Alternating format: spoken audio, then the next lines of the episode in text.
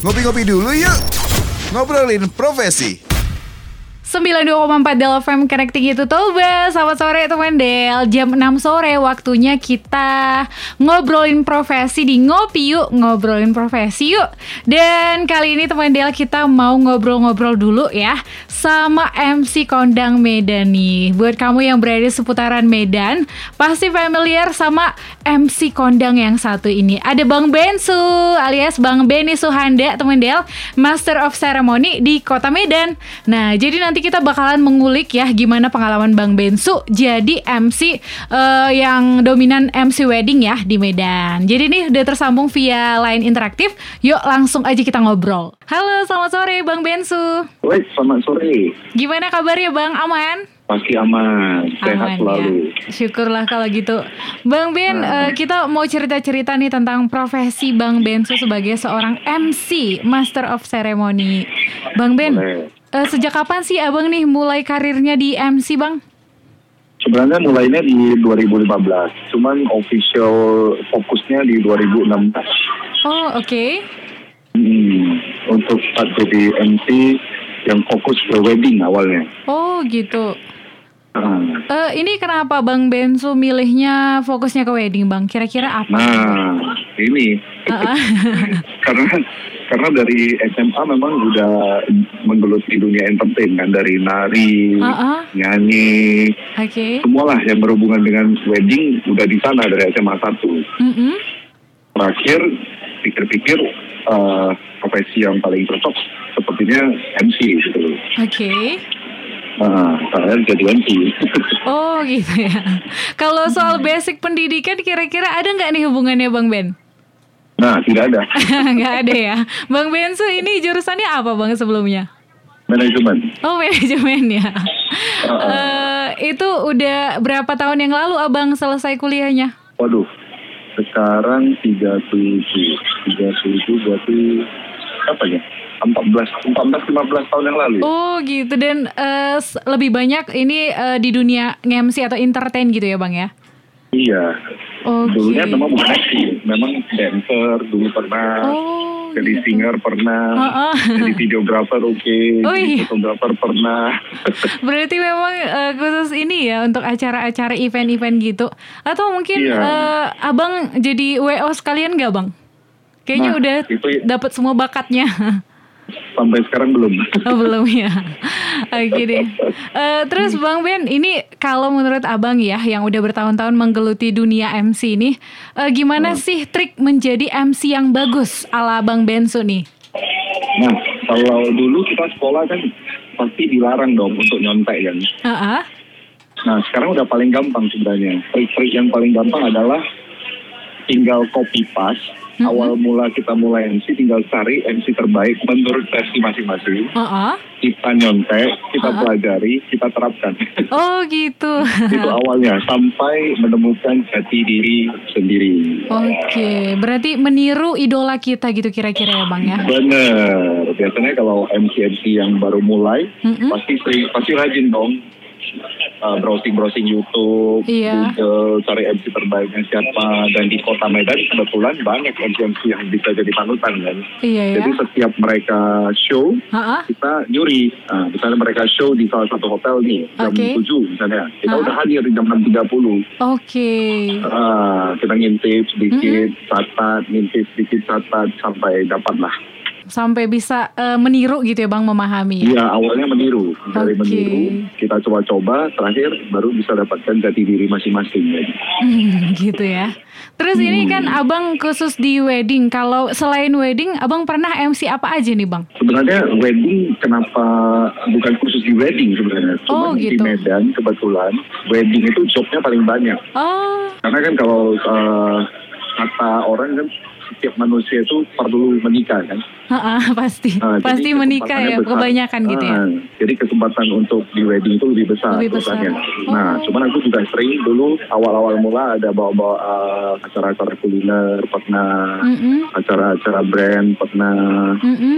semua sih sebenarnya. Cuma ya oh. ya memang terakhir lebih dikenal di wedding. MC wedding karena memang peluangnya lebih banyak ya bang ya? Iya karena jobnya banyak di wedding kan. Oke. Okay. Terus kalau wedding uh, kayaknya kalau adat Batak abang pernah gak sih MC di wedding adat Batak atau itu uh, nah, biasanya yang gimana pernikahannya? Bang? Nah kalau kalau di versi wedding kita orang Tionghoa uh -huh. kan ada istilah adat dan resepsi kan. Oke. Okay. Nah biasanya kalau adat kan kalau kita orang Tionghoa ya pasti tahu dong adatnya orang Tionghoa. Uh-uh. Tapi kalau adatnya misalnya suku Batak, suku Jawa kita kan nggak ngerti. Harusnya kita nggak nggak pernah mendapatkan job yang itu. Okay. Yang pernah adalah uh-huh. acara resepsinya kita ambil. Oh gitu ya. Soalnya nah. aku punya temen kan di Siantar yang uh, eh, MC kayak gitu, dia nge-MC di acara adat. Jadi misalnya, eh ini di bagian mana ya kira-kira nge-MC gitu? Aku jadi bingung gitu. Mungkin di bagian resepsinya gitu ya bang ya? Iya, biasanya sih begitu. Aku juga pernah ke Siantar kan, uh-huh. MC beberapa kali juga. Cuman uh-huh. biasanya saya ambil resepsinya. Kalau adatnya ada-ada nggak nggak berani ambil kan. Oh. Akhirnya gak enak kan? Iya bener-bener apalagi iya masalah adat kayaknya tetua-tetua kasih itu gitu ya bang ya? Iya karena di Indonesia terlalu banyak suku ya kan iya sih bener-bener hmm, kira-kira begitulah. Terus Bang Bensu nih untuk ngembangin diri gitu kan uh, biasanya apa sih cara yang Abang lakukan Bang? Kalau yang paling simpel sih menurut saya sih sebelum kita banyak bicara ya kita banyak dengar kan. Oke. Okay.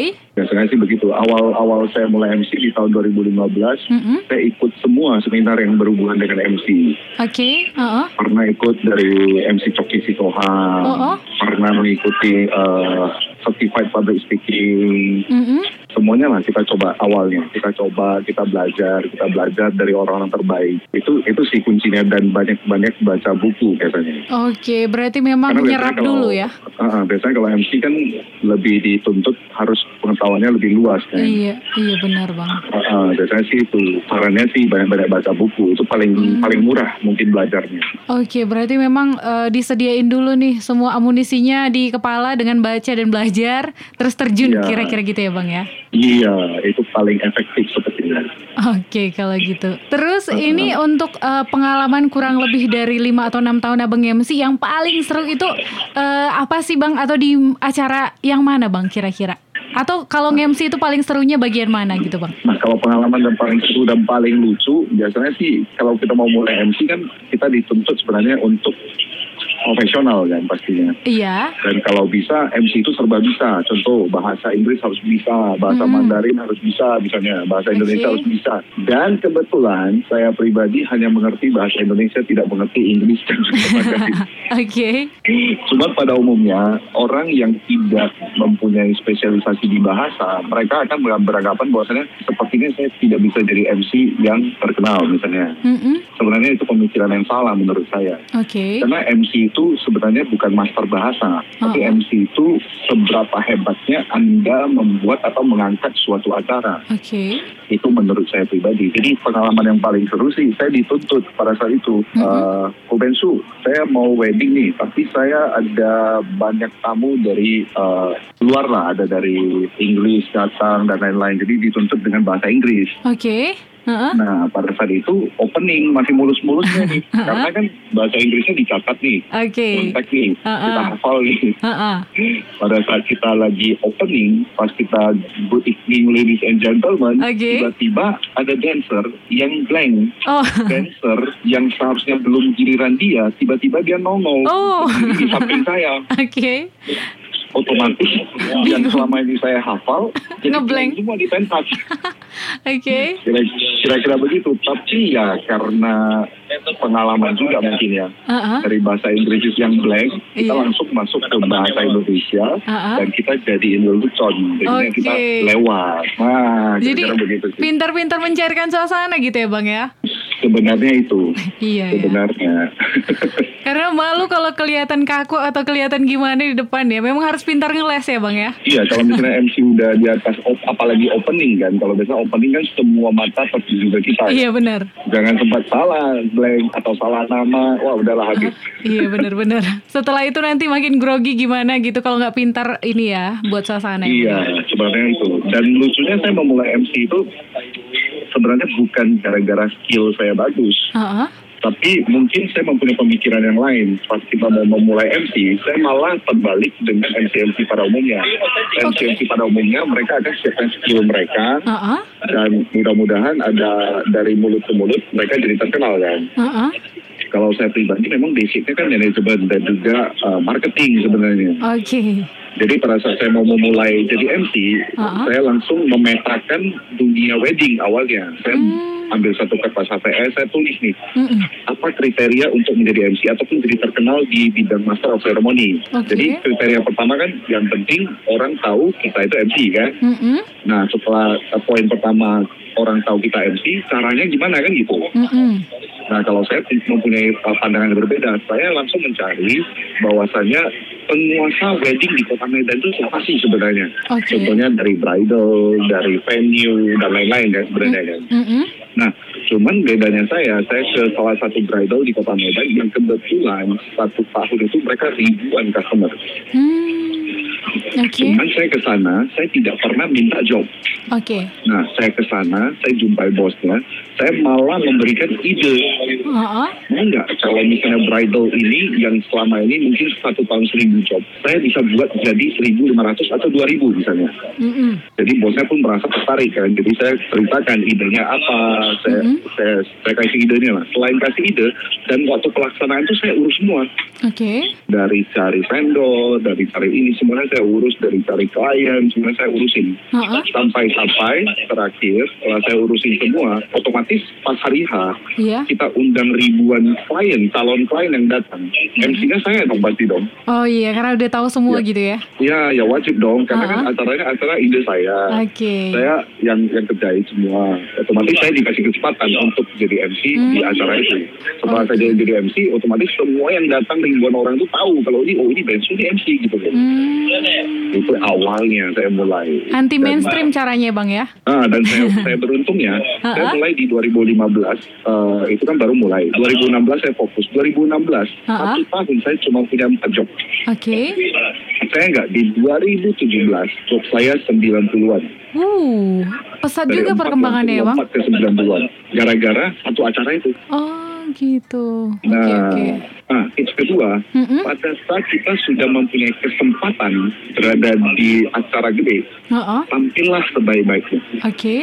Nah, kalau melekat di hati calon klien, otomatis kesempatan kita pasti datang. Nah, Oke, oke kalau gitu.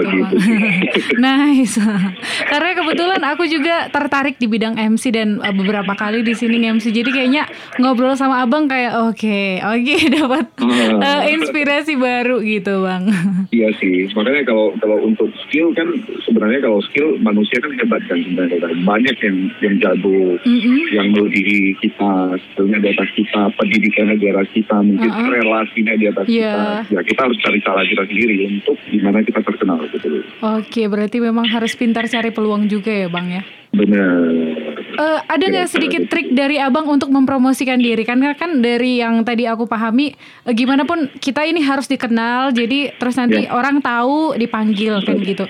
Kalau nah, abang kalau, sendiri hmm. untuk mempromosikan diri gimana bang? Simpelnya sih begini, kalau di wedding ataupun Tionghoa uh, wedding Tionghoa di Medan, mm-hmm. itu kan ada bulannya sebenarnya. Oke. Okay. Dan ada bulan liburnya kan. Uh-uh. Bulan libur seperti kalau kita bilang sih bulan empat kayak Cendeng, mm. bulan leluhur misalnya Oke. Okay. Bulan tujuh itu kita percaya bahwa pintu neraka buka. Jadi itu pasti nggak ada job wedding itu. Oh gitu. Seribu persen nggak ada. Jadi dalam satu tahun itu biasanya MC wedding di kota Medan itu akan libur sekitar tiga sampai empat bulan. Oh.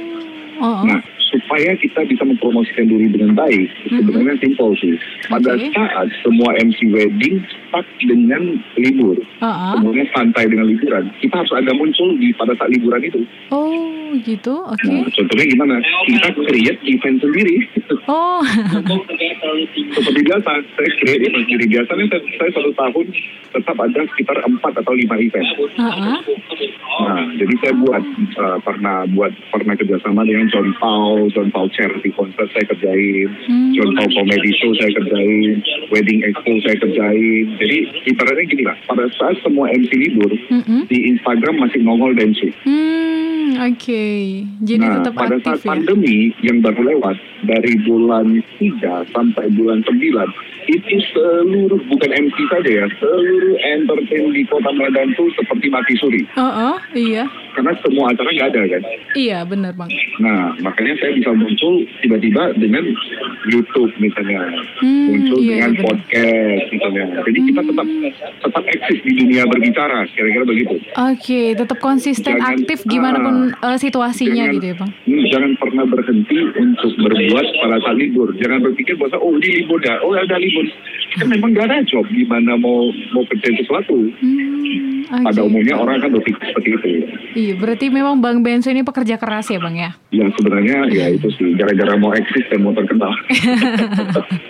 Oke, Bang Bensu juga ternyata punya YouTube channel bisa dikasih tahu Bang siapa tahu nih teman Del uh, pengen belajar, pengen lihat pengalamannya Bang Bensu, bisa nah, diceritain. Dua tahun terakhir ini saya beruntung nih. Mm-hmm. Setelah saya jadi MC, dikenal orang di MC, saya kenal dengan satu pengusaha di Kota Medan. Uh-huh. Yang menurut saya dia bukan pengusaha saja, okay. dia itu udah pengusaha. Dia multi talent, dia bisa nyanyi, mm-hmm. dia marketing yang handal, dia sangat terkenal di Kota Medan. Mm-hmm. Padahal dia hanya jual bakpao Oh gitu. Nah namanya John Pau kebetulan. Jadi dua tahun yang lalu saya kenalan dengan beliau uh-huh. dan seperti biasa kalau saya pribadi kan saya kan berpikir apa sih yang akan menggerakkan John Pau ini untuk bisa kerjasama dengan saya. Mm-hmm. Salah satunya ya kita harus membuat mereka ataupun dia tertarik dengan ide kita. Mm-hmm. Nah pada saat itu saya ngajak, yuk kita buat yuk charity konser misalnya. Hmm. Dan dan kita coba kasih idenya dan ternyata diterima. Dan sekarang kita jadi berteman ataupun bersahabat udah baik sekali sampai saat ini. Okay. Nah sekarang kalau YouTube channel yang saya mau cerita -hmm. adalah sekarang saat ini kita aktif di Let's Talk with John Paul. Let's Talk with John Paul ya bang. Ah, NMC Bensu kebetulan. Okay. Dan kita ada siaran juga di radio sebenarnya ya. Oke, okay. aktif uh, bener ya bang ya. Ya dari sana lah jadi setelah podcast mengenal orang lebih banyak, tambah ilmu, uh-huh. tambah teman, ya otomatis ya makin terkenal lah biasanya. Yes, nice. Kira-kira begitu.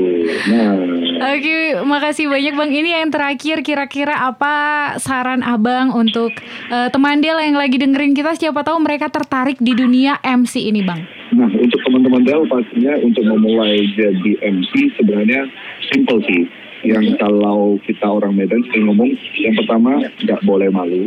Oke. Okay. Yang kedua harus melangkah. Jadi kalau belum melangkah kita sepintar apa pun itu tidak akan diakui. Oke. Okay pastinya. Kalau untuk menjadi MC seperti tadi saya bilang banyak-banyak baca, mm-hmm. banyak-banyak nyontek. Mm-hmm. Maka setiap percobaan pertama itu kalau kita ada silapnya, ada salahnya itu udah wajar. Udah biasa gitu. Uh-huh. Nah, jadi semakin di atas, semakin lama pasti otomatis kita akan lebih ahli dalam bidang kita masing-masing. Okay. Untuk teman Del pastinya kalau yang mau mencoba dunia MC boleh sih Oke. Okay. Adalah bisnis yang paling murah ataupun yang paling tidak pakai modal. Modalnya hanya skill kita, uh-huh. kita, pikiran kita, uh-huh. dan gimana kita membawa acara aja. Jadi tidak ada keluar modal ratusan juta, uh-huh. ratusan m untuk membuat satu perusahaan gitu. Okay. Itu paling murah. Biasanya sih banyak orang bisa ini. Cuman untuk mengalahkan diri sendiri ini memang hmm, Oke, okay, benar benar benar Bang. Makasih banyak ya Bang Bensu ya. Sehat-sehat terus Bang, ya. sukses terus. Oke, okay, thank you. Iya Bang. Oke itu dia tadi ya uh, obrolannya mudah-mudahan udah bisa nambah semangat, ngasih inspirasi atau mungkin buka peluang untuk kamu ya yang mungkin eh ternyata aku punya peluang nih jadi MC. Nah mudah-mudahan kamu bisa menggelutinya saran-saran dan trik dari Bang Bensu ya. Mudah-mudahan bisa jadi uh, modalnya kamu teman Del. Pokoknya semangat terus untuk merakit mimpinya ya kan. Mudah-mudahan bisa tercapai sesuai dengan kerja keras kamu pastinya. Minggu depan kita masih balik ya di Ngopi Yuk ngobrolin profesi yuk dengan narasumber kece lainnya. Jadi pastikan stay tune terus cuma di Delfem aja. Ngobrolin profesi di Danau Toba Show bareng Riri Manulang setiap Jumat jam 6 sore cuma di 92,4 Del FM Connecting you to Toba.